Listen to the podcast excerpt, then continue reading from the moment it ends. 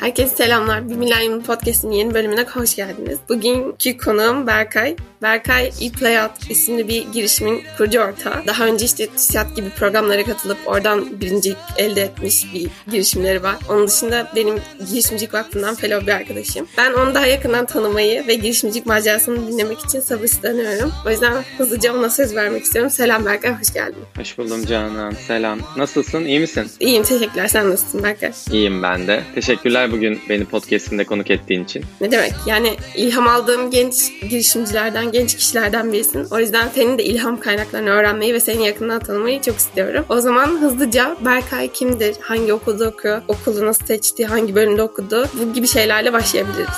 Tabii.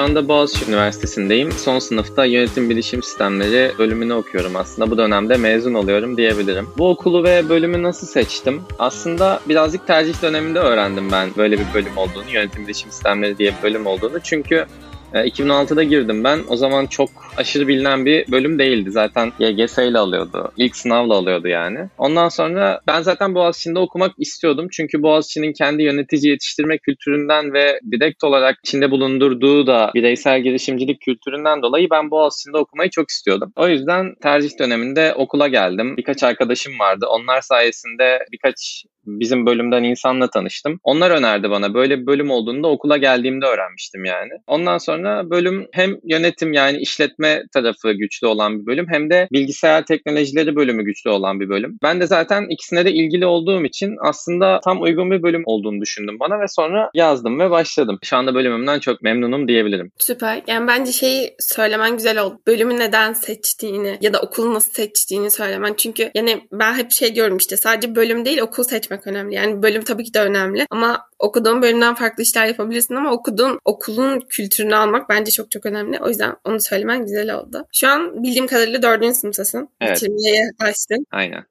Peki ya bu 4 sene boyunca okul harici neler yaptın? İşte benim bildiğim kadarıyla e-Playot'tan önce bir girişim daha olmuş. O gibi süreçler nasıl oldu? Sen girişimcilikle nasıl tanıştın? Buraları biraz açabilirsek süper olur. Tabii. Öncelikle 5 sene. Çünkü hazırlıkta okudum ben okulda. O yüzden 5. senem oluyor şu anda. E-Playot'tan önce de ya ben aslında okula başladığımdan beri hatta lisedeyken daha oyun sektöründe girişimcilik alanında bulunmak istiyordum. Oyun sektörü beni çok çekiyordu ve girişimcilikle alakalı beni çeken şey de bir girişim kurma kurmaktan öte girişimcilik ekosisteminin içinde bulunmak ve girişimcilik mindsetine sahip olmakta aslında. Bu yüzden okula başladığımdan beri kendimi girişimcilik alanında geliştirecek şeyler yapmaya çalıştım. Bunlardan ilk başladığım şey girişimcilik topluluklarına katılmak oldu. Okuldaki girişimcilik merkezine katıldım. Okul harici işte Startup Grind İstanbul gibi girişim topluluklarına katıldım. İşte iki tane Türk'ün kurduğu San Francisco'daki bir startupta staj yaptım. Bu şekilde kendimi geliştirmeye çalıştım topluluklarla ve girişim stajlarıyla. Ondan sonra da okuldaki girişimcilik merkezinde community manager oldum. Bundan sonra da Stanford Üniversitesi'nin bir inovasyon fellowluk programı var. Aynı bizim girişimcilik vakfı fellowluğu gibi. Ama bu işte Stanford'ın yönettiği global bir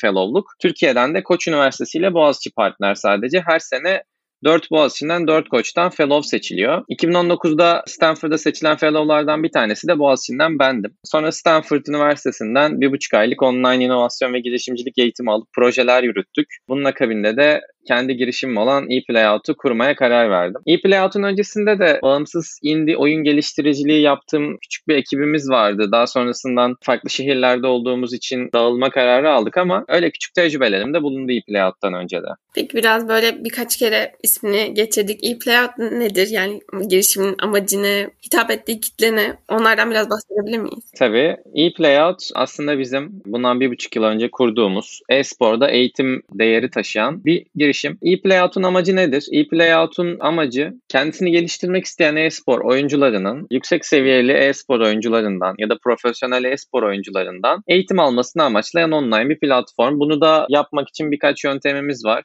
Birincisi video eğitim setleriyle bunu yapıyoruz. İkincisi de birebir canlı eğitimlerle bu değeri vermeye çalışıyoruz kullanıcılarımıza. E-Playout bunu yapıyor aslında. E-Playout fikriyle 2020'de TÜSİAD'ın bu Gençlik Değiş Var yarışmasına katıldık ve binlerce ekip arasından diyebileceğim bir skalada birinci olduk. Bunun akabinde İş Bankası'nın Work Up programına seçilen girişimlerden bir tanesi olduk. Milli basketbolcu ve Angel Investor Sinan Güler'le birlikte çalışma fırsatımız oldu. Hala daha beraber çalışıyoruz Sinan abiyle. Bu gibi hızlandırmalara da katılıp e-Playout fikrini geliştirme fırsatımız bulundu. Peki bu fikrin çıkış noktası neydi? Yani hani bence gayet güzel bir fikir ve hani aslında gerçekten kullanıcısı olan işte hitap ettiği bir kitle olan bir şey. Bunu zaten sen de biraz daha açarsın ilerleyen sorularda ama hani ilk başta o fikir nereden çıktı? O problemi nasıl bulmuştunuz? Nasıl keşfettiniz? Onu merak ediyorum. Ya bizim için şu şekilde oldu. Aslında çoğu girişimde de böyle bir çıkış noktası vardır. Kendi yaşadığın problem üzerine bir girişim kurmayı tercih edersin. Bunu da kendin yaşadığın ve içinden geldiğin için en iyi senin çözebileceğin olabileceğine inanırsın. Bizde de böyle bir durum oldu. Biz kendimizi bildik bileli oyun oynayan, e-spor liglerini takip eden, işte boş vakitlerinde beraber toplanıp oyun oynayan kişileriz. Burada da bizim fark ettiğimiz problemlerden bir tanesi bir noktadan sonra ne kadar oyun oynarsan oyna yükselemiyorsun oyunlarda. Özellikle e-spor dediğimiz mücadeleci oyun türlerinde oynadıkça yükselemiyorsun ve bunu da aşmak için profesyonel maçları izliyorsun, oyuncuların Twitch yayınlarını izliyorsun vesaire ama e, yayınlar eğlence üzerine olduğu için pek bir şey kapamıyorsun. Oyuncular iyi oynuyor. Yani şöyle düşün. Gidip Michael Jordan'ın basketbol oynayışını izleyerek Michael Jordan gibi oynayamıyorsun. Onun sana anlatması lazım ne yaptığını. Tabii ki anlatsa da onun kadar iyi oynamak için çok fazla pratik yapman gerekiyor. Onlar başka faktörler. Onları geçiyorum. Ama birinin sana anlat anlatması gerekiyor. Biz de içinde bulunduğumuz bir sektör olduğu için bu problemi fark ettik. Zaten daha önceden de birbirimizle tanışıyorduk. Bir girişim kurma hevesimiz de vardı. Sonra bu fikir üzerine bir şey inşa etmeye karar verdik. Süper. Getirdiğin nokta da güzel oldu. Hani birbirimizi zaten tanıyorduk diye. Benim de aslında merak ettiğim şey buydu. Böyle kendi girişimi olan arkadaşlarımı konuk ettiğimde hep sorduğum ve hani gerçekten merak ettiğim şey bu. Ekip arkadaşı bulmak ya biriyle beraber bir iş yürütmek gerçekten zor, emek isteyen bir şey. Ben de şimdi Mehmet Ali ile birkaç oturumda dinleme fırsatı buldum. Keza işte Girişimcilik Vakfı'ndaki fellow up'larda da ikinizle de konuşmayan tanışma fırsatı bulmuştum. O yüzden merak ediyorum hani siz nerede tanıştınız? İşte ekip arkadaşı olarak uyumlu olduğunuzu nasıl fark ettiniz ve ekibe sonra sonradan başkalarını nasıl dahil ettiniz? O süreçler nasıl işledi? Onları biraz anlatabilirsen süper olur. Tabii. Mehmet Ali de dediğin gibi zaten o da bir girişimcilik vakfı fellow'u 2019'da. Yani Mehmet Ali ile biz aslında Boğaz içinde Kilyos'ta hazırlık okurken tanıştık. Bizim bir hazırlık kampüsümüz var Kilyos'ta. Birazcık şehirden izole bir kampüs. Burada e, bir yıl boyunca İngilizce öğrenip aslında yeni gelenlerle tanışmakla geçiyor bu senemiz. Mehmet Ali ile de aslında biz Kilyos'ta tanıştık. Oradan arkadaş olduk. Ondan sonra daha ileriki bir dönemde bu da ikinci sınıf sınıfın sonuna, üçüncü sınıfın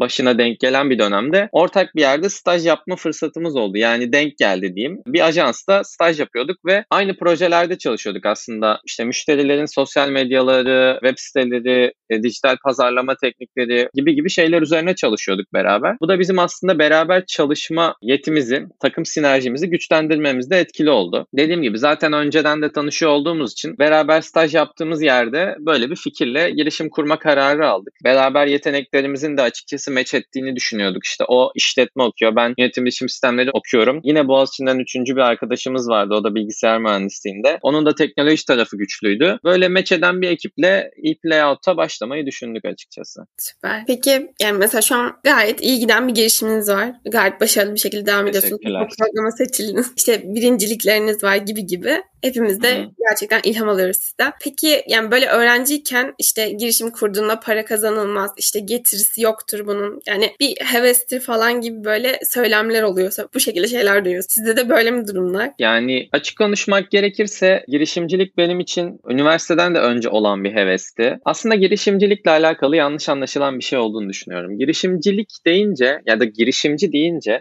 insanlar sadece bir şirket kuran insan düşünüyorlar. Halbuki girişimci demek benim için girişimcilik mindsetine sahip olmak demek ki bu girişimcilik mindsetini hayatınızda her alanda kullanabilirsiniz. Bu çalıştığınız kurumsal firmada da siz girişimcilik mindsetine sahip olabilirsiniz ya da buradan sokağa çıktığınızda en basit bir problemi çözerken, markette yaşadığınız bir problemi çözerken bile bu mindset sayesinde daha çözüm odaklı yaklaşarak yaşadığınız problemi çözebilirsiniz. O yüzden girişimcilik benim için kesinlikle bir öğrencilik hevesi olduğunu düşünmüyorum. Çünkü bunu ben bütün hayatımda kullanmaya gayret ediyorum. Yani siz bir fırsat gördüğünüz zaman bu fırsatı ne kadar iyi değerlendiriyorsunuz ya da bir probleme karşı nasıl bir çözüm getirme yaklaşımında bulunuyorsunuz. Bence sizin girişimcilik kimliğinizi oluşturan şeyler birazcık bunlar. Bizim girişimimiz de açıkçası senin de az önce bahsettiğin gibi şu an iyi bir noktada. O yüzden gelecek vaat ettiğini düşünüyoruz ve güzel başarılar da elde ettik. TÜSİAD bunlardan bir tanesi, World Cup bunlardan bir tanesi. Bunlar haricinde güzel sponsorluklar ve kurumsal firmalarla işbirliği fırsatımız da çok oldu. Bunun sayesinde ekosistemde çok güzel bir network edindik açıkçası. Çok değerli insanlarla tanıştık. Bu sebeplerden dolayı da ben bunun kesinlikle bir heves olduğunu düşünmüyorum. Hatta şöyle söyleyeyim. Bizim TÜSİAD'daki geçen sene rehberimiz Netaş'ın CEO'su Sayın Müjdat Altay'dı. Müjdat Altay ve Netaş sayesinde biz aslında ikinci bir fikir, ikinci bir marka lanse etme e, gibi bir hevese girdik. O da Corplex markamız. Bu Corplace markasıyla da kurumsal firmalara e-spor etkinlikleri ve turnuvaları yapıyoruz ve bu markayla alakalı konuşmaya başladığımızda bizim ilk müşterimiz Netaş oldu ve onların referansı sayesinde çok daha güzel işler yapma fırsatı bulduk. Harika. Peki biraz böyle problem çözüm dengesinden konuştuk ya hani sen de oralara de- değindin işte gerçek bir problemi çözmekten bahsettin, girişimci mindsetinden bahsettin. Siz bu problemi nasıl çözüyorsunuz? Yani bir platform içerisinde böyle başarılı uzman e-sporcular gelip orada çeşitli videolar yüklüyor gibi mi yoksa birebir mentorluk de tarzı bir şey de alabiliyor musun o kişilerden? Onu merak ettim. Öncelikle bizim az önce de bahsettiğim gibi platformda şöyle bir durum var. Profesyonel e-spor oyuncuları var ya da yüksek seviyeli olan e-spor oyuncuları. Genellikle bunlarla da ben iletişime geçip eğitimleri planlayan kişi oluyorum içerik sorumlusu olarak platformda atıyorum FIFA eğitimi vermek istiyoruz. Bizim şu anda Serhan adında FIFA'da Beşiktaş'ta oynayan bir arkadaşımız var. Bu arkadaşla beraber oturuyoruz. Planlıyoruz eğitimin içeriğini. İşte ilk derste nelerden bahsedilmeli? Dersin uzunluğu şu kadar olacak, şu kadar ders olacak ve derslerde şu chapter'larda şunlardan bahsedeceğiz gibi genel bir schedule planlaması yapıyoruz arkadaşla birlikte. Ondan sonra gidip stüdyoda bunların çekimlerini yapıyoruz. Daha sonrasında editlemeleri tamamlandıktan sonra web sitemize yüklüyoruz. Web sitemize abone olan kişiler de bu içeriklere erişebiliyorlar. Ekstra olarak bu eğitmenimizden birebir ders alabiliyorsunuz bizim Discord kanalımız üzerinden bizimle iletişime geçerek. Bu birebir dersinizi de aynı matematikten özel ders alınca nasıl oluyorsa beraber giriyorsunuz. O kişi size anlatıyor. Beraber oyuna girip oynayabilirsiniz. Oyunda size gösterebilir. Sözlü olarak anlatabilir gibi gibi iki farklı eğitim modelimiz var şu anda. Harika. Ya bence çok güzel bir e, alan oluşturmuşsunuz. Ben çok e-sporla ilgili biri değilim ama yine de gerçekten gelecek vaat ettiği çok açık. Çok teşekkürler. Peki buraya kadar böyle biraz seni tanıdık, girişimini tanıdık. İşte aslında senden ilham aldığımız kısımlar oldu. Hem girişimcilik tarafından hem bugüne kadar geldiğin noktada neler yaptın, kendini nasıl geliştirdiğin noktasında. Şimdi böyle senin ilham aldığın kısma geçmek istiyorum. İlk sorumla başlıyorum. Bugüne kadar ilk katılmışım dediğim bir deneyim. Bu bir böyle staj, MT programı, etkinlik de olabilir. Hackathon tarzı şeyler de olabilir. Senin için en çok hayatını değiştiren deneyimin hangisiydi? Ya aslında iki tane var. İkisini de söylemek istiyorum izninle. Birincisi Stanford'ın University Innovations Fellows programı. Aslında buna katılmaktan çok buna seçildiğim için çok memnunum. Çünkü gerçekten öyle bir program hazırlamışlar ki gerçekten Stanford'ın neden globalde çok iyi bir üniversite olduğunu anlıyorsunuz. Sizin neyi bilmediğinizi, neyi öğrenmeniz gerektiğini ve bunu nasıl öğreneceğinizi o kadar hakimler ki öyle güzel bir süreç tasarlamışlar. Siz bu süreç içerisinde belli sorunlarla karşılaşacaksınız. Karşılaşacağınız sorunları da biliyorlar. Ve bunları çözerken gerçekten bir girişimcilik mindsetine sahip oluyorsunuz. Aynı zamanda çok güzel dokümanları ve materyalleri ve inanılmaz bir network'ü var. Dünyada totalde 300 tane üniversite bunların partneri. O yüzden bu programa seçildiğim için çok memnunum gerçekten ki zaten kendi girişimimi kurmamda bu programdan mezun olmama tekabül eden bir süreçte gerçekleşti. İkinci olarak da bu Gençlikte İş Var'a iyi ki katılmışım diyorum. Sen de şu an bu Gençlikte İş Var'la alakalı bir proje yürütüyorsun biliyorum. Bu Gençlikte İş Var Bizim için, benim için özellikle hem kendimi hem girişimimi çok geliştirme fırsatım olan bir yer oldu. Aynı zamanda benim gibi girişimcilik hevesine sahip olan öğrencilerle tanışmam için çok güzel bir fırsat oldu. Ve TÜSİAD'ın iş insanları gerçekten çok değerli insanlar. TÜSİAD'ın network çok değerli. Bu insanlarla tanışmak bile çok değerliyken bu insanlarla bir aile olma fırsatı yakaladık. Bundan dolayı da bu gençlik değiş var süreci de benim için en memnun olduğum ikinci süreç oldu diyebilirim. Ya bunları sıralamıyorum. İkisi de benim için en iyiler. Aynen. Ya ben de katılıyorum kesinlikle. Yani Stanford tabii ki de bilmiyorum bizim mesela üniversitenin bağlantısı olmadığı açısından. Ama TÜSİAD gerçekten girişimcilerin elinden tutan ve girişimcilere çok fayda sağlayan bir program olduğunu ben de şu an içinde olduğum için yürütüm tarafında gerçekten görüyorum. Ve sizden de geçen gün oturumda bayağı bununla ilgili geri dönüş aldık. Bence ekiplerin hepsi de bu şekilde heveslendi yani daha da sarıldılar girişimlerine. O zaman diğer soruma geçiyorum. Bugüne kadar ilk tanışmışım dediğim biri. Yani ekip arkadaşın da olabilir bu çalıştığın bir yerdeki patronun da olabilir. Ya da konuşmasını dinleyerek ilham aldığın bir de olabilir. Ya buna business olarak cevap vermek istiyorum açıkçası. Tabii ki özel hayatımda gerçekten çok değerli insanlar var. Ama bunu business olarak cevaplamak istiyorum. Bu noktada iyi ki tanışmışım dediğim kişi sanırım Müjdat Altay olurdu yine. Ve tabii ki onun ekibi. Geçen sene bizim için Sayın Müjdat Altay gerçekten bir rehberden çok gerçekten bir abi gibi davrandı bize. O kadar vizyonlu ve o kadar kendisini geliştirmiş bir insan ki bizim ileride yaşayacağımız süreçleri daha hani bir şirket nasıl kurulur, şirket nasıl büyütülür, scale up'a nasıl geçilir, en başta yapmanız gereken şeyler ve koymanız gereken vizyon konusunda o kadar kendisini geliştirmiş bir insandı ki ve böyle bir insan size yakın davrandığı zaman gerçekten değer katıyor bulunduğunuz kuruma. Ve onun aslında rehberliği ve danışmanlığıyla hem kendimiz çok güzel bir vizyon kazandık bu işle alakalı. Sonuçta girişimcilik çok ekosistemde bazen abartılabilen bir şey de olabiliyor. Yani herkes girişimci olmamalı bence. Girişimci olmak için kendini bir noktada girişimci olmaya hazır ve geliştirmiş olman gerekiyor. Hazır hissetmen gerekiyor. Bu noktada biz gerçekten çok güzel bir noktaya getirdiğini düşünüyorum Müjdat Altay'ın ve Netaş da bize şu cümleyi kurdu. Bu gençlikte iş var bitti. Birinci olduk. Birinci olduktan hemen sonra telefonla konuştuk kendisine. İşte şimdi gerçekten başlıyor. Ee, hani bu zamana kadarki e, başlangıçtı. Bundan sonra gerçek süreç başlıyor. Ve bundan sonraki süreç içinde hem ben hem de Netaş sizin hep arkanızda olacak dedi. Ve gerçekten de oldu. Hem yazılım geliştirme konusunda hem iş ilişkileri konusunda, sponsorluklar konusunda hem direkt olarak Netaş bizim müşterimiz oldu Corplace'te az önce bahsettiğim gibi. Sağ olsun çok faydalı oldu o da bize süreç içerisinde. Harika. Peki bugüne kadar ilk kendimi geliştirmişim dediğim bir etkinlik. Yani bu aslında yani girişimde kullandığım bir etkinlik de olabilir. Senin hayatında hayatını kolaylaştıran bir etkinlik de olabilir. Ya bu aslında benim için aslında teknik bir soru gibi ama ben buna teknik bir cevap vermeyeceğim. Benim için bu insan ilişkileri olurdu. Çünkü bence eğer gerçekten yazılım işi veya donanım işi yapmıyorsanız hatta onlarda bile insan ilişkileri çok önemli. Yani siz karşınızdaki insan ne kadar iyi anlıyorsanız, ne kadar iyi empati kuruyorsanız o insanla o kadar iyi iletişime geçeceksiniz ve o kadar iyi olacak aslında sizin yapacağınız işbirliği veya aynı takımda bir kurumsal şirkette çalışıyor olabilirsiniz. Ekip arkadaşlarınızı anlamak ve onlarla ilişki kurmak çok önemli. Ben de kendi girişimimde buna çok dikkat ediyorum. Hatta girişimden bağımsız olarak hayatımda buna çok dikkat ediyorum. Bu da atıyorum şu an bizim yaklaşık 10 tane eğitmenimiz var ePlayout'ta. Hepsi benim yakın arkadaşımdır. Hiçbirine bir iş ilişkisi olarak bakmadım ve hepsiyle buluşurum, evime gelirler, evlerine giderim, dışarıda buluşuruz ve böyle olunca bu insanlar sizin işinize gerçekten katkı sağlamak istiyorlar, değer katmak istiyorlar. Bu insanlar sizinle birlikte çalışmak istiyorlar ve siz bunu amaçlasanız hani ben mesela bu insanlar benimle çalışsın diye bunlarla yakın olacağım gibi bir motto ile çıkarsanız insanlar bunu anlar. Yani sizin yapaylığınızı anlarlar. Ama ben bu iş insan ilişkilerinde gerçekten samimi olmayı çok sevdiğim için güzel ilişkiler geliştiriyorum ve hem iş hayatında hem özel hayatımda da bu benim için çok faydalı bir alan diyebilirim. Kendimi geliştirdiğim güzel bir alan diyebilirim. Bence süper bir cevap verdin. Ben de dediklerine çok katılıyorum kesinlikle. Ve hani şu an mesela pandemi olduğunu da düşünürsek sadece karelerden insanlara dokunabildiğimizi düşünürsek ne kadar samimi evet. olabilirsek o kadar aslında hem geri getirirse hem de bence mutluluğu da oluyor insanlara. O yüzden bence süper bir cevaptı. Teşekkürler.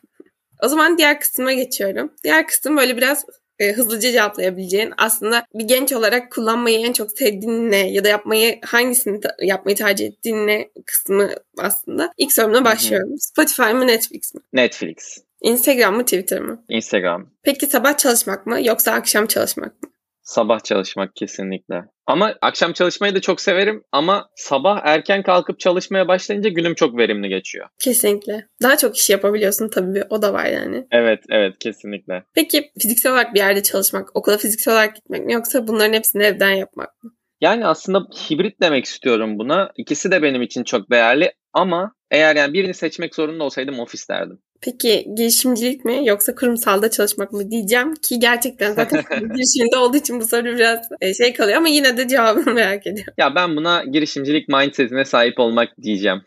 Az önce de bahsettiğim gibi. Aynen öyle. Yani şey belki de hani ileride kurumda da çalışabilirsin. Zamanla gösterebilemeyiz ama aslında kurum içinde de bir girişimci olarak çalışmak bence en güzel şey. Kesinlikle. O zaman böyle kapanış sorularıma doğru geçiyorum. Şimdiye kadar verdiğin tüm cevaplar için çok teşekkür ederim. Şeffafla tüm deneyimlerini paylaştığın için. Ne demek ben teşekkür ederim. Son sorularımdan ilki pandemi resmi olarak bitince yapmayı en çok istediğin şey nedir? Tabii ki çok fazla şey var. Bunların içinde hobi sporları da var. Ama ya açık konuşmak gerekirse şöyle gerçekten hiçbir mesafe gibi şeyleri artık umursamadan konser ya da partiye gitmek ve birazcık eğlenmek istiyorum ya. Bunu hak ettiğimizi düşünüyorum açıkçası. Kesinlikle. Yani iki yıldır neredeyse internetten bağlanıyoruz her şeye. Okula. Evet.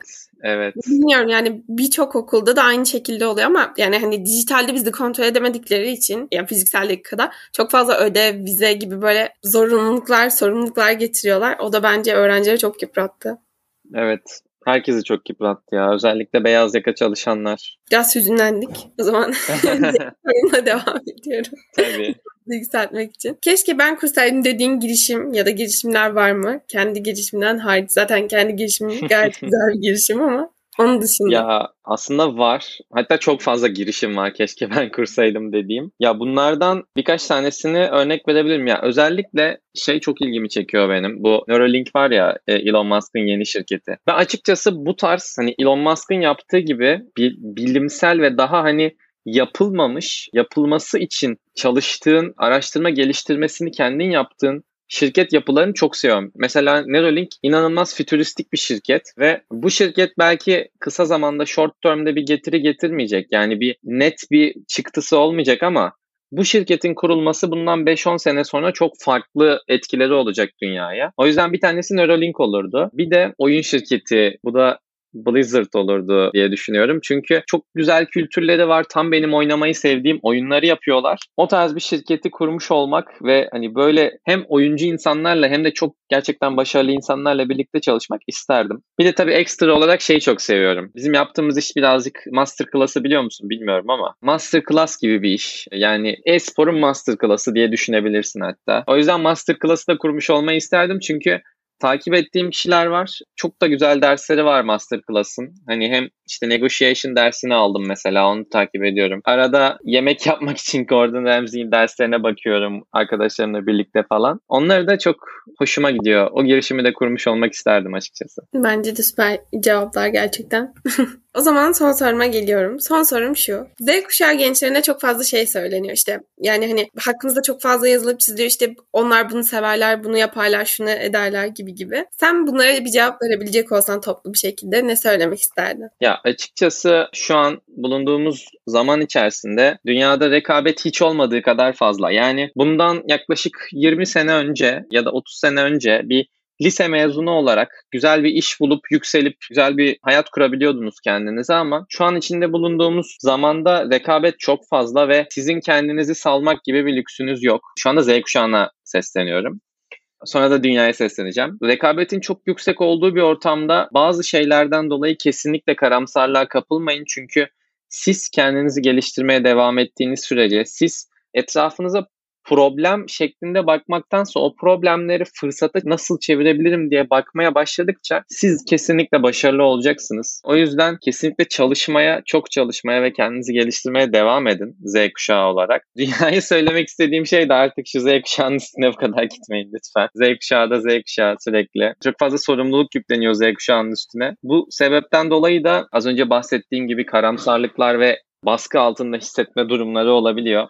Z kuşağı zaten kendi yolunu bulacağına inanıyorum. Çünkü teknolojinin içine doğan bir çağ olarak kendilerini doğru şekilde geliştireceklerini ve dünyada çok güzel bir etki bırakacaklarına inanıyorum. O yüzden dünya olarak yapmanız gereken bir şey varsa o da Z kuşağına doğru yatırım yapmak. O yüzden bence Z kuşağına bu şekilde yaklaşırsanız çok daha sağlıklı bir yaklaşım olur. Bence süper tamamladım.